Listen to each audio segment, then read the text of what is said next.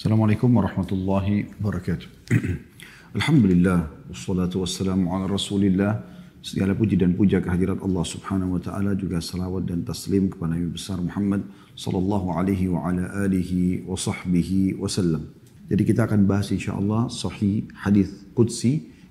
Dan kita akan masuk teman-teman sekalian ke bahasan uh, bab bahaya bahaya seruan jahiliyah. Tepatnya hadis nomor 131. Bagi teman-teman yang pegang bukunya itu ada di halaman 142. Dan seperti biasa kita akan coba uh, membaca dulu hadisnya. Hadis yang berbunyi adalah hadis sahih dari Ubay bin Ka'ab radhiyallahu anhu bahwasanya beliau menuturkan intasaba rajulani ala ahdi Rasulillah sallallahu alaihi wasallam faqala ahaduhuma ana fulan ibn fulan faman anta la umma laka فقال رسول الله صلى الله عليه وسلم انتسب رجلان على أهد موسى عليه السلام. فقال أحدهما أنا فلان ابن فلان حتى عدى تسعة. فمن أنت؟ لا أم لك. قال أنا فلان ابن فلان. أنا ابن فلان أنا فلان ابن فلان ابن إسلام. قال فأوحى الله إلى موسى عليه السلام إن هذين إن هذين المنتسبين أما أنت أيها المنتمي أو المنتسب إلى تسعة في النار فأنت أعشرهم وأما أنت يا هذا المنتسب إلى اثنين في الجنة فأنت ثالثهما في الجنة Hadis ini sahih riwayat Ahmad dan juga An-Nasai. Terjemahannya teman-teman sekalian. Ada dua orang pada masa Rasulullah Sallallahu Alaihi Wasallam menisbatkan dirinya. Maksudnya menisbatkan diri kepada bapak, kakek, uh, kakeknya bapak, ya, kakeknya kakek dan seterusnya. Maka salah seorang dari keduanya berkata, aku adalah Fulan bin Fulan. Lalu siapa kamu? Dia tanya temannya. Semoga kamu tidak beribu. Artinya tidak jelas nasabmu. Maka Rasulullah SAW bersabda, ada dua orang pada masa Musa alaihissalam menisbatkan diri. Salah satunya mengatakan, aku adalah Fulan bin Fulan. Hingga menyebutkan sembilan asal usulnya. Lalu dia berkata, siapa kamu? Semoga kamu tidak beribu. Maka dia menjawab, orang yang sedang ditantang tadi menjawab, aku Fulan bin Fulan bin Islam. Kemudian Allah mewahyukan kepada Musa alaihissalam, sesungguhnya kedua orang yang menisbatkan dirinya tadi di hadapan wahai Musa, maka kamu Allah berfirman kepada mereka, katakan hai Musa kepada mereka, kamu wahai yang menisbatkan diri kepada sembilan asal usulnya yang berada dalam neraka, maka kamu yang kesepuluhnya. Sedangkan kamu wahai orang yang menisbatkan diri kepada dua asal usul yang berada dalam surga, maka kamu yang ketiganya dalam surga. Hadis ini sebagaimana kita katakan hadis yang sahih. Seperti biasa teman-teman sekalian, kita coba bedah lebih dalam tentang hadis ini dan kita coba mengorek mutiara-mutiara yang bisa kita dapatkan. Hal yang paling mendasar yang kita bisa ambil di sini yang pertama adalah bagaimana masih ada seruan-seruan jahiliyah ini di tengah-tengah umat Islam. Sementara Perlu kita garis bawahi teman-teman sekalian, kalau dalam Islam ya, dipandang secara umum manusia semuanya harus sama. Secara umum, nanti kita akan bicara ada pengecualian khususnya. Semua manusia sama, maukah apakah dia berkulit hitam, apakah dia berkulit putih, apakah dia sawo matang, dari suku mana pun dia, laki-laki dan perempuan, sama. Allah subhanahu wa ta'ala menciptakan mereka dengan judul manusia. Ya. Saya akan coba bacakan bagaimana pendapat ulama berhubungan dengan masalah ini dan saya dikirimkan oleh guru kami yang mulia Dr. Ziyad Abbadi Hafidahullah salah satu pakar hadis yang ada di Jordan dan beliau mengirimkan kepada saya uh, sebuah artikel yang ditulis oleh Said Mahmud saya akan coba bacakan. Setelah memuji Allah, beliau mengatakan mengangkat hadis yang tadi ini lalu berkata tentang hadis tersebut. Yang pertama, manusia itu an-nasu sawasiya min haithul asl. Ini yang paling pertama dia dari hadis. Manusia sama semua dari sisi keasalnya. Dan judulnya manusia. Beliau mengatakan, Lakhtisasa li wahid min al-bashar bifadilah. Tidak ada kekhususan. Bi'tibar al-asl. Alladhi khulika minhu. Dari asal usul dia diciptakan. Qala Nabi sallallahu alaihi wasallam, Nabi Muhammad SAW bersabda, "Ya ayuhan nas, ala inna rabbakum wahid." Wahai sekalian manusia, Tuhan kalian satu. Tidak ada pencipta kecuali Allah. Wa inna aba'akum wahid. Dan sesungguhnya ayah kalian satu. Ala la fadla li arabiin ala ajamin wala li ajamin ala arabi. Tidak ada kelebihan orang Arab terhadap orang selain Arab. Ataupun orang ajam selain Arab kepada orang Arab sendiri. Wala ahmar ala aswad. Dan ada juga perbedaan antara orang yang berkulit merah ataupun hitam. Wala aswad ala ahmar. Juga orang kulit hitam tidak punya kelebihan dari orang yang berkulit merah. Illa bittaqwa. Kecuali dengan ketakwaan. Maka beliau mengatakan hadha ikhtilaf bainal bashar fil ashkali wal alwan. Ayatu min ayatillah. Sesungguhnya perbedaan antara manusia di paras wajah, poster tubuh, di warna kulit adalah tanda-tanda kebesaran Allah.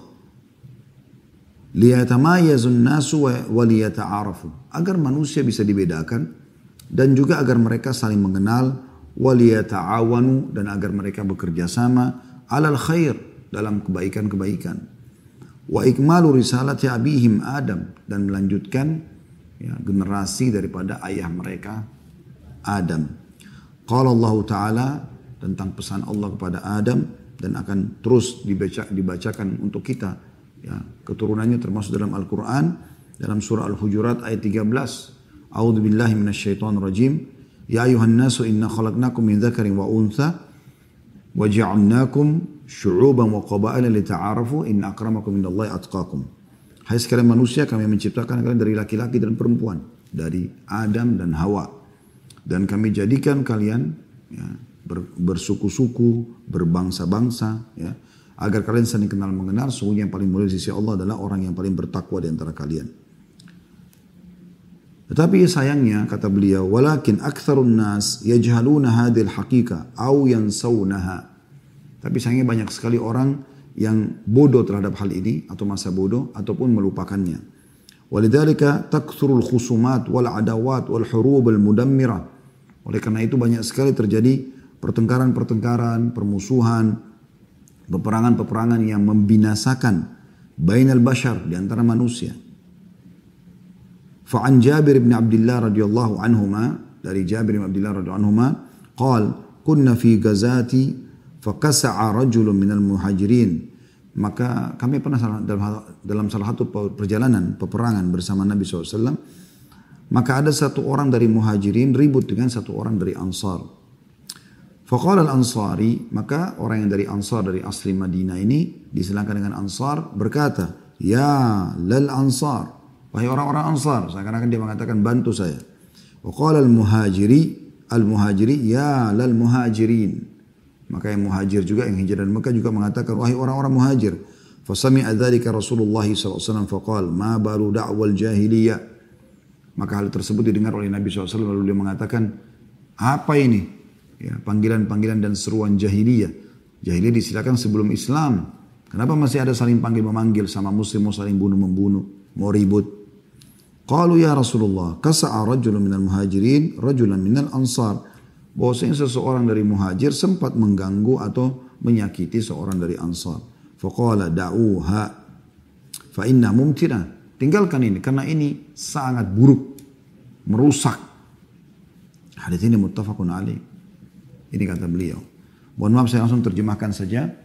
Beliau mengatakan musuh-musuh Islam di setiap waktu dan tempat berusaha selalu menghidupkan ini di tengah-tengah kaum muslimin untuk memisahkan mereka. Disebutkan oleh Ibnu Kathir rahimahullah dalam tafsir beliau pada saat menafsirkan surah Al-Imran ayat 103 yang bunyinya a'udzubillahi minasyaitonir rajim wa'tasimu bihablillahi jami'an wa la tafarraqu wadhkuru ni'matallahi 'alaikum id kuntum a'da'an fa'alafa baina qulubikum fa asbahtum bi ni'matihi ikhwana. Nah, Anda bisa buka surah Al-Imran 103. Ini sedang dibahas tafsirnya ayat ini oleh Ibnu Katsir rahimahullah. Ya.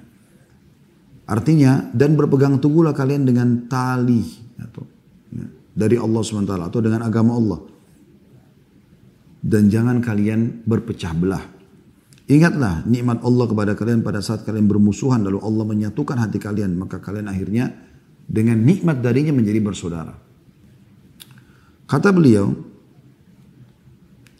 ayat ini turun kepada orang-orang Aus dan Khazraj. Siapa itu Aus? Suku Arab di Madinah yang masuk Islam. Khazraj juga begitu. Walaupun ada sebagian di antara mereka menjadi orang munafik, tapi kita tidak bahas. Yang menjadi sahabat-sahabat Nabi. Lalu kemudian disatukan dua suku besar ini, Aus dan Khazraj, diberikan julukan dengan Ansar dalam Al-Quran. Artinya penolong-penolong Nabi SAW. Pada saat itu teman-teman sekalian ayat ini turun karena mereka sebelum datang Nabi SAW di Madinah itu ada tiga uh, kelompok yang berkuasa. Ada orang-orang Yahudi dan mereka terdiri dari tiga suku, mereka bersatu semuanya, Kainuka, Nadir dan Quraidah. Kemudian dua suku asli Arab di Madinah, Aus dan Khazraj. Nah kita katakan tiga kelompok, Yahudi bersatu semuanya, ada Aus, ada Khazraj. Nah orang-orang Yahudi punya satu strategi yang licik. Mereka pada saat Eh, mau menguasai Madinah supaya mereka aman dan mereka tidak terganggu, tidak tersaingi, mereka buat Aus dan Khazraj itu berperang. Dengan cara mereka membagi diri, ada yang mendukung Aus, ada yang mendukung Khazraj. Terus dipanas-panasi, terus diberikan senjata, berikan dukungan sampai hanya mereka perang bertahun-tahun dan banyak sekali korban.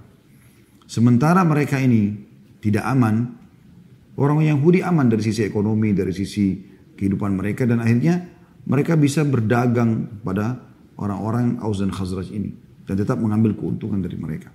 Sementara mereka aman dari makarnya karena mereka dari belakang layar seakan-akan mendukung sebagian Aus, sebagian Khazraj. Dan Aus dan Khazraj ini telah terbawa dengan arus peperangan yang musuh-musuhan gitu.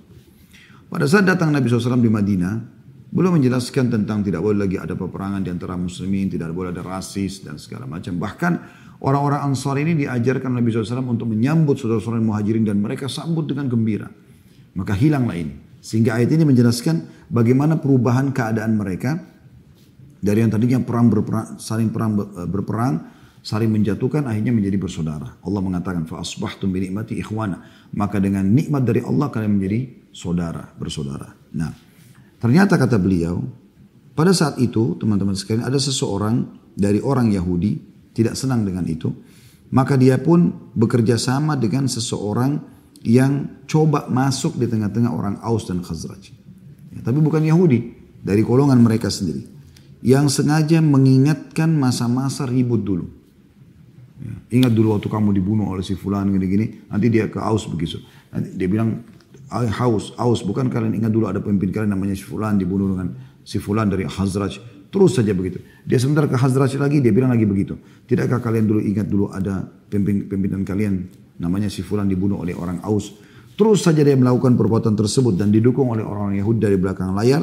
Sampai akhirnya hiduplah murka atau kemarahan di antara mereka. Dan mulailah mereka menghidupkan lagi syiar-syiar rasis kesukuan. Lalu mereka mulai mengangkat senjata dan mereka sudah mulai ribut satu sama lain dan mereka janjian untuk ketemu di wilayah namanya Harra. Ya. Maka hal tersebut sampai kepada Nabi Shallallahu Alaihi Wasallam. Maka Nabi SAW pun segera datang ke sana lalu menenangkan mereka sambil mengatakan awabidak wal jahiliyatu ana baina. Apakah masih ada suran-suran jahiliyah seperti ini sementara saya di tengah-tengah kalian? Kemudian Nabi SAW membacakan ayat tersebut. Watala alaihim hadil ayat. Maka mereka pun akhirnya menyesal lalu mereka saling memaafkan dan mereka saling memeluk satu sama yang lain dan mereka melempar senjata-senjata mereka ridwanullahi alaihi. Jadi beliau menekankan di sini bagaimana setelah baikan pun Aus dan Khazraj ternyata berusaha orang Yahudi untuk masuk dan membuat mereka berantem kembali dan hampir terjadi masalah itu. Dan bagaimana di sini Nabi SAW memperbaiki keadaan mereka dan melarang mereka sama sekali untuk saling musuh memusuhi seperti ini. Tidak boleh sama sekali. Juga Nabi SAW sangat memerangi kata beliau penyakit rasisme ini. Merasa lebih hebat dari yang lain. Jalur nasabnya lebih baik. Ya seperti dalam hadis tadi. Jadi merasa diri lebih saya fulan bin fulan bin fulan gitu kan. Dia sebutkan nasabnya bangga. Saya anaknya si fulan gitu. Walaupun alhamdulillah saya lihat di Indonesia ini tidak terlalu banyak orang yang fanatik dengan jalur nasabnya. Biasa di daerah-daerah Timur Tengah ini luar biasa gitu kan. Maka beliau memerangi masalah ini dan beliau mengatakan la yantahiyanna aqwamun yaftakhiruna bi abaihim alladziina matu. Mereka harus segera berhenti terhadap siapa pun yang fanatik dengan ayah-ayah mereka yang sudah meninggal dunia. Nah, kalau kita hubungkan tadi dengan hadis yang kita sebutkan itu, ya. Itu ternyata teman-teman sekalian Waktu orang ini lagi ribut dua orang di hadapan Nabi SAW. Yang satu mengatakan, saya fulan bin fulan. Kamu siapa? Semoga saja tidak ada jalur, tidak dikenal ibumu. Maksudnya kamu itu tidak, yang dimaksud dengan ibu sini maksudnya kau tidak ada keturunan. Jalur nasabmu tidak ada. Gitu kan? Maka sebelum yang satu berantem, menjawab itu. Jadi poin pertama yang kita bisa ambil dari hadis adalah tentang masalah manusia itu semuanya sama. Dan bagaimana kita sebagai seorang muslim tidak boleh memilah-milah ya manusia ini lebih baik daripada manusia yang lainnya. Secara umum kita bicara masih interaksi umum. Misalnya anda bertetangga dengan non muslim boleh saja anda uh, berteman. Bahkan kerabat-kerabat kita non muslim pun kita wajib tetap silaturahim dengan mereka orang tua kita berbakti ya. Kecuali memang terjadi hal-hal yang berbeda. Seperti misalnya ya, mereka memerangi agama Islam ya itu berbeda. Itu hukumnya ada hukum tersendiri. Tapi selama tidak ada masalah maka Islam mengajarkan kepada kita khairun nasi anfa'um nas. Manusia yang paling baik adalah manusia yang paling bermanfaat bagi orang yang lain. Gitu kan. Selama bukan dukungan terhadap ibadah-ibadah mereka, ritual mereka yang melanggar hukum Allah subhanahu wa ta'ala, maka kita disuruh berbagi.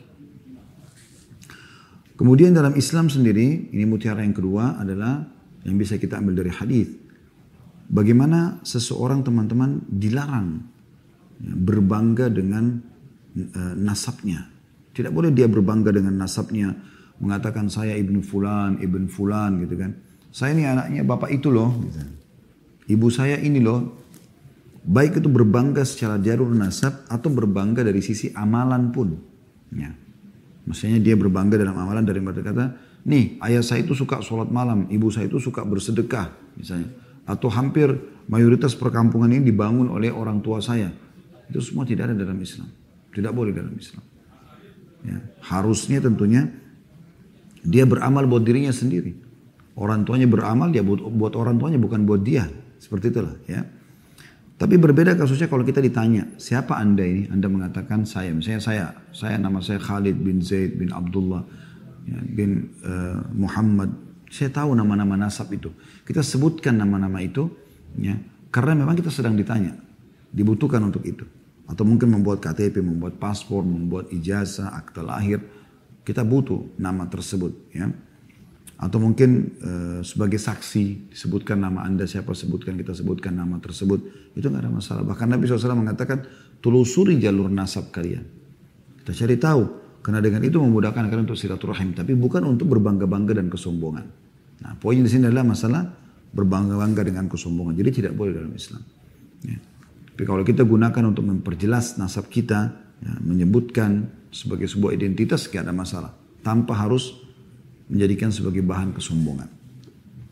Yang ketiga teman-teman sekalian, manusia dalam Islam hanya dibedakan dengan ketakwaan saja. Tidak ada yang lain. Makanya Nabi SAW mengatakan dalam hadis yang masyhur diriwayatkan oleh Imam Muslim, Inna Allah la yandur ila suwarikum wa amwarikum walaki yandur ila kulubikum wa amalikum. Allah nggak akan pernah melihat dan menilai paras wajah kalian dan postur tubuh kalian juga harta-harta kalian. Tapi Allah melihat kepada hati kalian dan amal kalian. Walaupun dia orang berkulit hitam pekat dari Afrika, bahkan mungkin fisiknya kurus kecil, mungkin pincang kakinya, mungkin cacat, tetap dia mulia di sisi Allah Subhanahu wa taala dan lebih mulia dari seseorang yang tampan, yang putih, yang kekar, tapi tapi dua durhaka kepada Allah Subhanahu wa taala, tapi kafir. Sementara yang tadi adalah orang-orang beriman. Maka tetap di sisi Allah SWT yang lebih mulia adalah orang yang lebih dekat kepada Allah Subhanahu wa taala. Dan tadi hadis yang sebelum sudah kita bacakan juga sabda Nabi SAW, "Ala la fadla li Arabin ala ajami." Tidak ada perbedaan antara orang Arab sama orang Ajam. Seakan-akan Nabi SAW mau titip pesan, walaupun saya turunan Arab, bukan berarti orang Arab lebih daripada yang lainnya. Tidak ada kelebihan antara Arab dibandingkan dengan ajam selain orang Arab.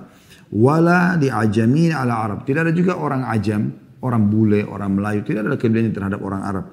Wala ahmar ala aswad. Tidak ada orang yang berkulit merah. Tidak ada orang kulit hitam. Wala aswad ala ahmar. Tidak, tidak juga kulit hitam melebihi orang berkulit merah. Illa bittaqwa. Kecuali dengan ketakwaan. Kapan dia lebih dekat dengan Allah subhanahu wa ta'ala. Maka tentu saja dia lebih mulia. Ya, lebih mulia. Oleh itu teman-teman sekalian, jangan pernah anda salah dalam menilai orang. Kadang-kadang orang selalu penilaiannya dan ini penanaman yang keliru dari kecil. Ya perbedaannya adalah kamu ini turunan ini loh, kamu turunan ningrat lah atau apalah. Seakan-akan tidak boleh bergaul sama sembarang orang. Seperti yang ditanamkan oleh orang Yahudi terhadap keturunan mereka. Mereka merasa lebih daripada yang lain. Sampai Allah gambarkan dalam Al-Quran. Mereka mengatakan, Nahnu abna'ullah wa ahibba'u. Kami adalah anak-anak Allah dan kekasih-kekasih Allah. Allah mengatakan, Kul falima yu'adzibukum bidunubikum. Kalau begitu kenapa Allah menyiksa kalian dengan dosa-dosa kalian? Itu tidak benar. Tapi ini penanaman yang keliru sekali. Kita harus tanamkan dari dari sekarang dalam diri kita, dalam diri kita dan juga kepada keturunan kita, kalau semua manusia sama. Dalam arti kata, mereka adalah manusia, status manusia. Selama mereka tidak buat masalah, mereka berarti bukan untuk dimusuhi. Kalau mereka belum mengenal Islam, didakwahi. Kalau di tengah-tengah orang beriman, akan ada perbedaan derajat, tapi Ya, itu karena ketakwaan. Makin bagus ibadahnya hubungannya dengan Allah, maka makin tinggi derajat dari sisi Allah SWT. Dan tentu juga ini diikuti orang-orang yang dekat dengan Allah ini dengan tawaduknya, dengan merendahnya. Mereka tidak akan fanatik buta begitu saja. Ya. Kemudian teman-teman sekalian, ya, ada sebuah riwayat pernah dinukil bahwasanya beberapa orang sahabat duduk satu sama yang lain ngobrol Sempat mereka mengatakan, saya fulan bin fulan. Kemudian mereka sebenarnya bukan untuk sombong ya. Cuma lagi memperkenalkan diri kayak kita lagi berada di satu kegiatan. Mungkin dari berbagai uh, perusahaan, mungkin dari berbagai instansi, uh, berbagai suku, berbagai negara misalnya. Kemudian kita saling berkenal. Siapa anda? Saya fulan bin fulan. Anda siapa? Saya fulan. Cuma memperkenalkan saja. Begitu saja sebenarnya. Para sahabat sedang melakukan itu. Sementara Salman Al-Farisi, ya, radhiyallahu anhu ada di situ. Waktu tiba giliran beliau, beliau mengatakan, saya Salman ya, bin Islam. Artinya, seakan-akan Salman ingin memberikan pelajaran kepada yang lain. Jangan sampai kalian sombong dengan itu. Saya bangga dengan keislaman saya, bukan dengan jalur nasab saya. Maka beliau itu sampai kepada Umar dan Umar pun menangis. Sambil Umar mengatakan, saya pun adalah anak Islam. Ya.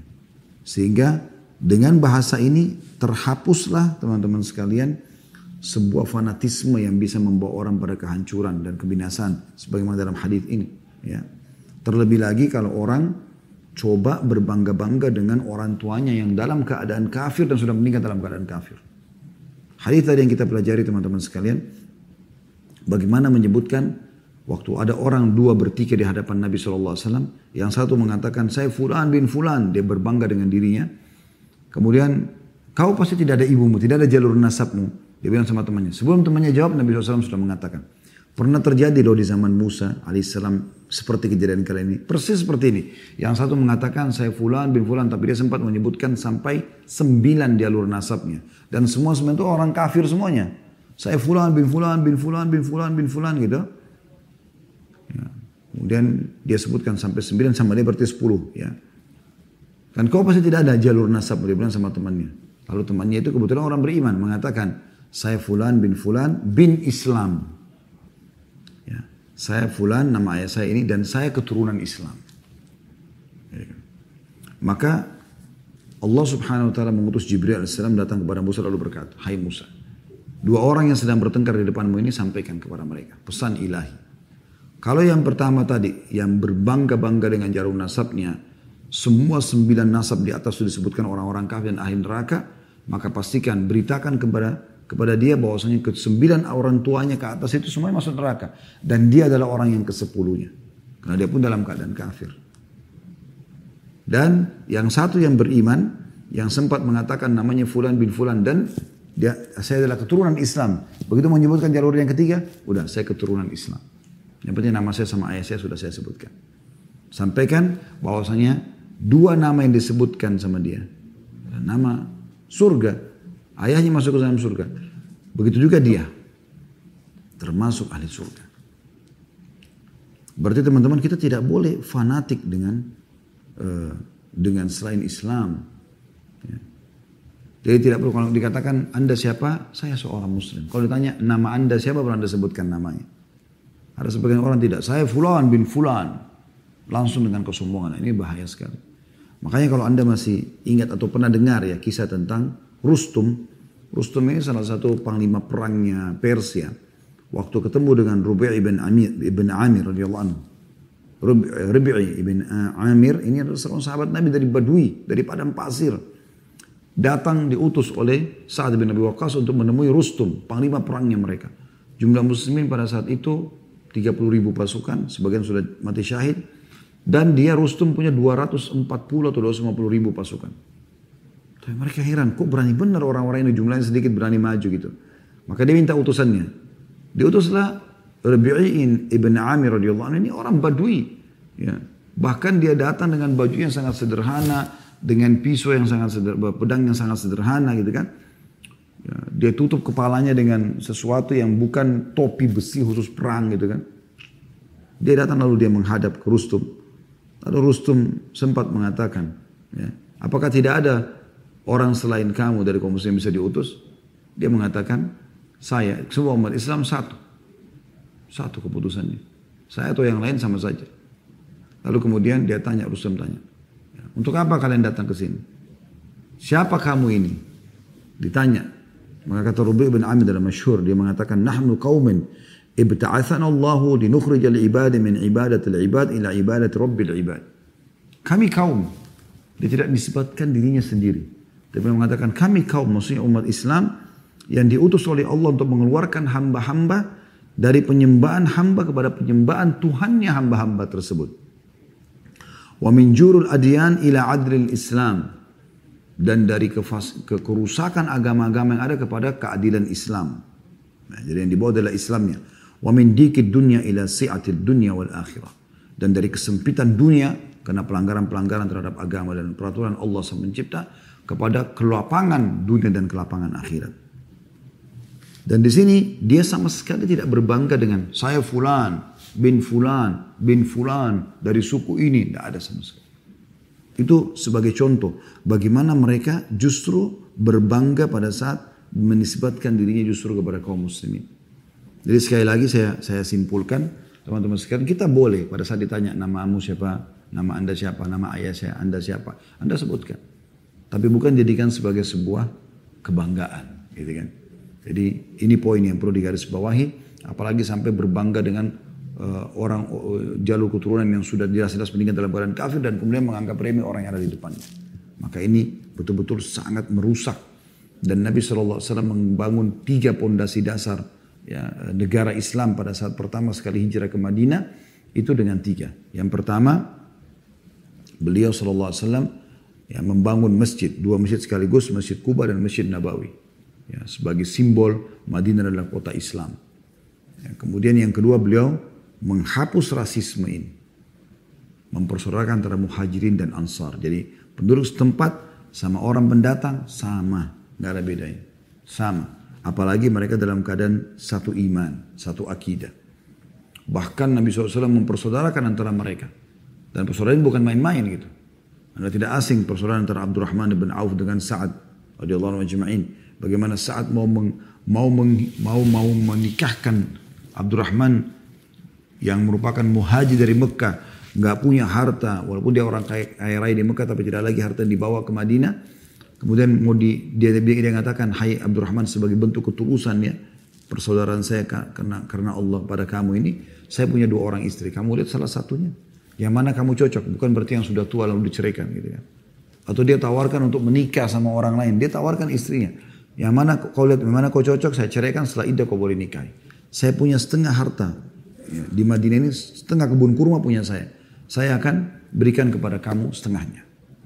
Jadi sama di Jakarta ini orang punya, saya punya 10 perusahaan, 5 buat kamu. Pendatang tidak dikenal sebelumnya, baru ketemu hari itu. Nabi SAW persaudarakan lalu mereka tunjukkan ketulusannya. Begini seharusnya dibangun. Ya persaudaraan di antara kaum muslimin. Jadi tidak lagi teman-teman saatnya negosiasi pada saat lihat orang miskin. Kayaknya ini orang anak pinjaman, kayaknya dia pura-pura. Bukan tugas kita itu. Inna malam lebih niat. Semua sesuai dengan niatnya. Kalau niatnya baik, dia akan dapat pahala sedekah tadi. Kalau orang yang diberi itu berniat bohong, maka mereka akan dihukum sendiri. Gitu kan. Dengan penipuannya. Seperti itu kurang lebih. Jadi harus difahami teman-teman sekalian kalau Islam sangat jauh dengan hal-hal yang seperti ini. Dan ini harus dihilangkan. Dan di sini sekali lagi ada ancaman yang sangat berat. Sangat berat sekali bagi orang-orang yang ber, eh, berfanatik ya sama orang-orang tuanya yang sabnya sementara mereka dalam keadaan kufur. Mereka dalam keadaan kufur. Ya, Allahu alam. Ini insya Allah bahasan kita tentang masalah haramnya seruan jahiliyah dan bagaimana eh, beberapa pelajaran yang sudah kita ambil tadi eh, yang kita harus pahami dan terapkan dalam kehidupan kita sehari-hari.